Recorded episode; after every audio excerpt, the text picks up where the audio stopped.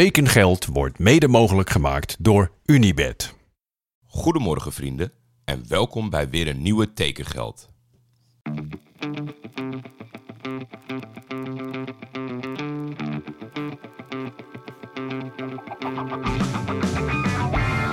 Waar gaat Helderman naartoe? kan u mededelen dat er overeenstemming is bereikt met Johan Cruijff bij Feyenoord. Navarone voor. Vandaag in andere kleuren, hè? Ja, dat zeker. Dat is wel even wennen natuurlijk. Berghuis een van de meest besproken transfers ooit, denk ik.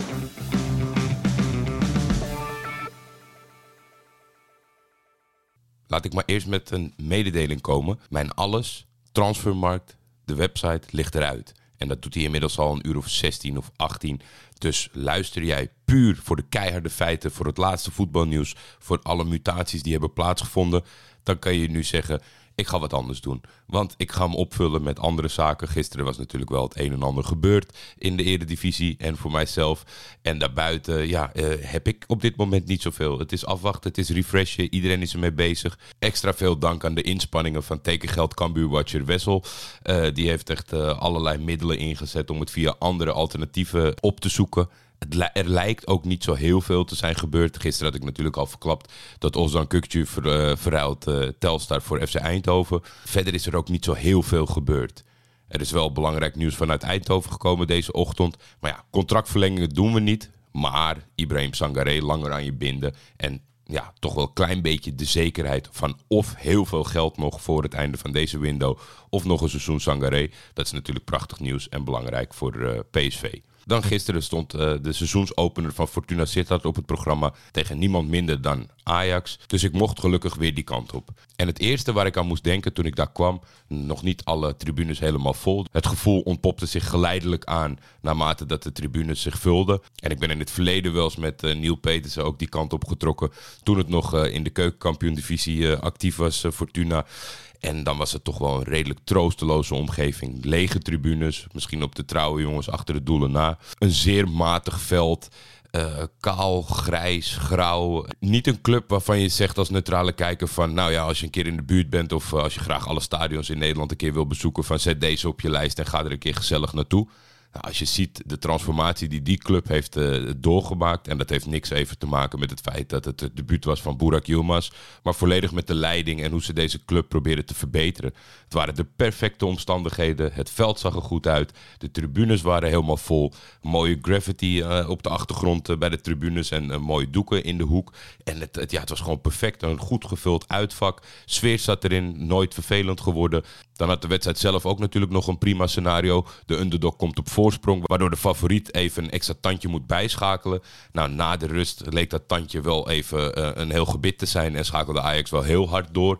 En uiteindelijk denk ik dat de wedstrijd en, en de hele sfeer en de herinnering wordt gered door het feit dat de VAR de 1-4 afkeurt. En daardoor bleef de hoop in leven dat de net ingevallen Burak Yilmaz misschien nog iets kon betekenen. eh, en dat Fortuna echt alles op alles ging spelen. 77 Xavier Het geval is nummer 17.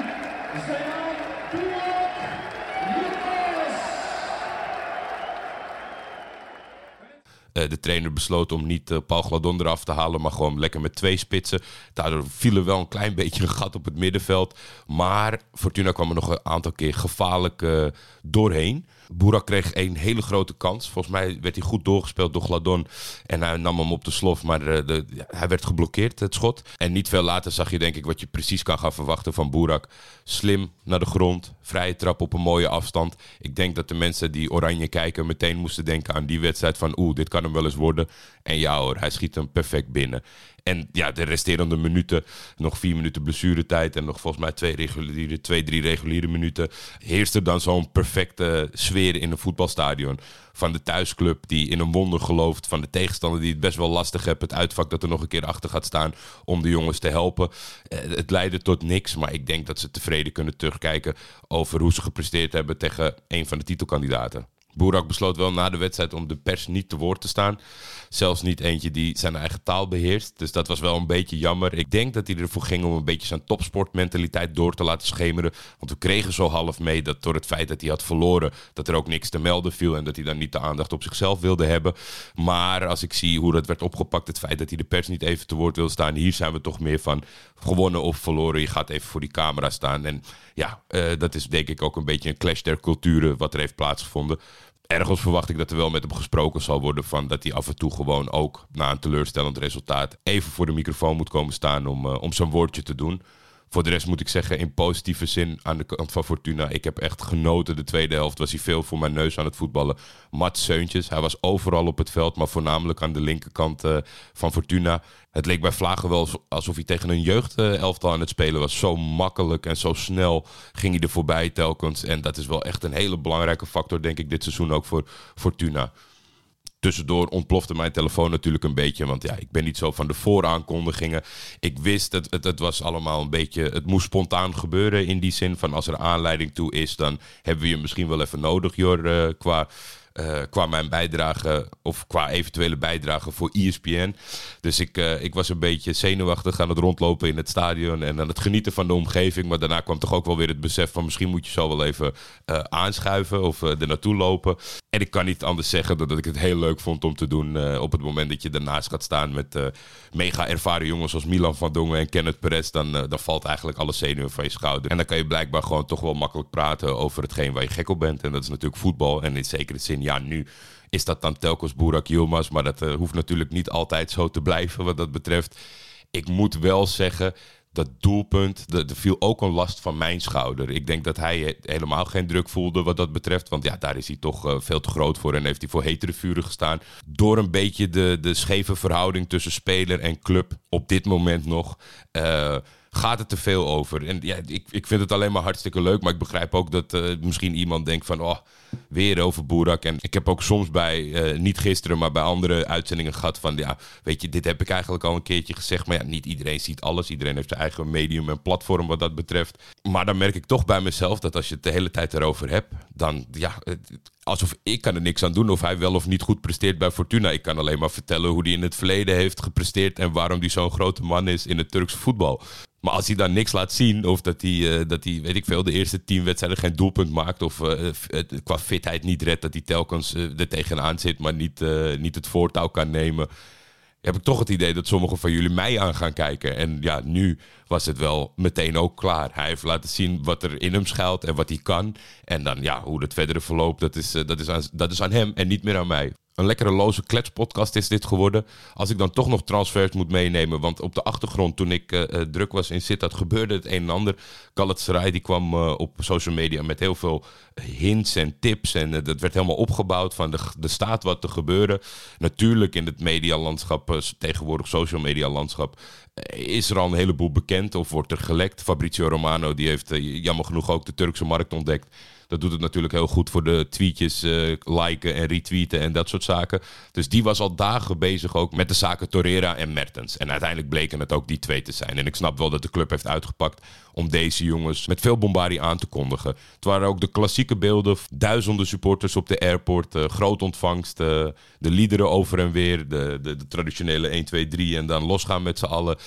En ja, uiteindelijk, ik heb natuurlijk op Twitter een beetje door laten schemeren. Dries Mertens tijdens zijn carrière, die, die heeft vaak trekjes op het veld. Uh, het, is niet helemaal mijn man. Maar ja, als jij jaar in jaar uit een belangrijke grote speler... die enorm gewaardeerd is uh, in en door Napoli ja, dat, dat, daar moet nog wel één of twee goede seizoenen in zitten. Het enige wat ik echt jammer vind is, en dat, ja, dat wil maar niet doordringen tot het Turkse voetbal, maken nou een prestatiecontract van. Het maakt ook helemaal niet uit hoe bond het dan is. Maar volgens mij heb ik dat in de vorige uitzending, toen het gerucht uh, de lucht in kwam, al gehad. Ja, Torreira ben ik echt, daar was ik stapelgek op toen hij bij Sampdoria speelde. Een monster uh, uh, op het middenveld. Kwam er niet helemaal uit, maar het zegt toch ook wel wat dat Arsenal bereid was om 30 miljoen voor die jongen te betalen. En die op deze leeftijd voor toch wel een heel respectabel bedrag. Ik geloof dat ze 6 miljoen zonder bonussen betalen aan Arsenal ja, die moet gewoon echt, eh, die moet gigantische impact kunnen maken in Turkije. Dus ik begin er zo langzamerhand toch wat anders in te staan. Galatasaray speelt vanavond de eerste wedstrijd uit tegen Antalyaspor. De combinatie Nouri Sahin en Alfons Groenendijk. Ga dat kijken. Ik ben benieuwd waar ze op dit moment staan. Ze hebben hele attractieve vleugels, dus dat, dat is sowieso leuk om naar te kijken. De mensen die vorig jaar in de Europa League af en toe een potje hebben meegepakt van Galatasaray. Daar zag je al vaak Kerem Akturole schitteren met zijn snelheid en zijn behendige dribbles. En af en toe moet hij nog wat te werken aan zijn precisie qua schot. Aan de andere kant staat tegenwoordig Yunus Akgün. Die was uh, verhuurd door Galatasaray aan Adana Demirspor. En het hele seizoen hebben alle supporters gezegd... waarom de fuck is deze man verhuurd? Want die was echt werelds. In combinatie dus had natuurlijk ook een grote impact... bij de rehabilitatie van Mario Balotelli. Dat Mario Balotelli weer kon dromen van de squadra. Daar had hij zeker mee te maken. Want eigenlijk is hij een soort van... ja, hetzelfde als Kerem, maar dan vanaf de andere kant. Snel, klein, behendig, de goede dribbel kan gevaarlijk schieten. Moet ook nog wel een beetje verfijnder. Maar dat zijn wel echt jongens die binnen nou ja, aankomend seizoen of uiterlijk het seizoen daarop naar een Europese topclub gaan verhuizen. Ja, topclub, subtopclub kan ook als het in de A-competities is, in de beste competities. Maar dat zijn gewoon leuke gasten om naar te kijken. Achterin is het natuurlijk spannend voor Galatasaray. Marcao is vertrokken, was echt een rots in de branding wat dat betreft.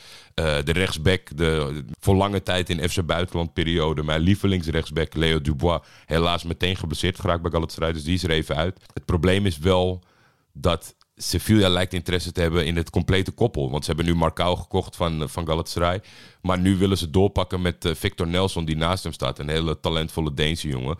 Maar ik hoop dat die in ieder geval blijft. Want als je twee centrale verdedigers nu kwijtraakt, zo aan het begin van het seizoen, wordt het wel heel lastig.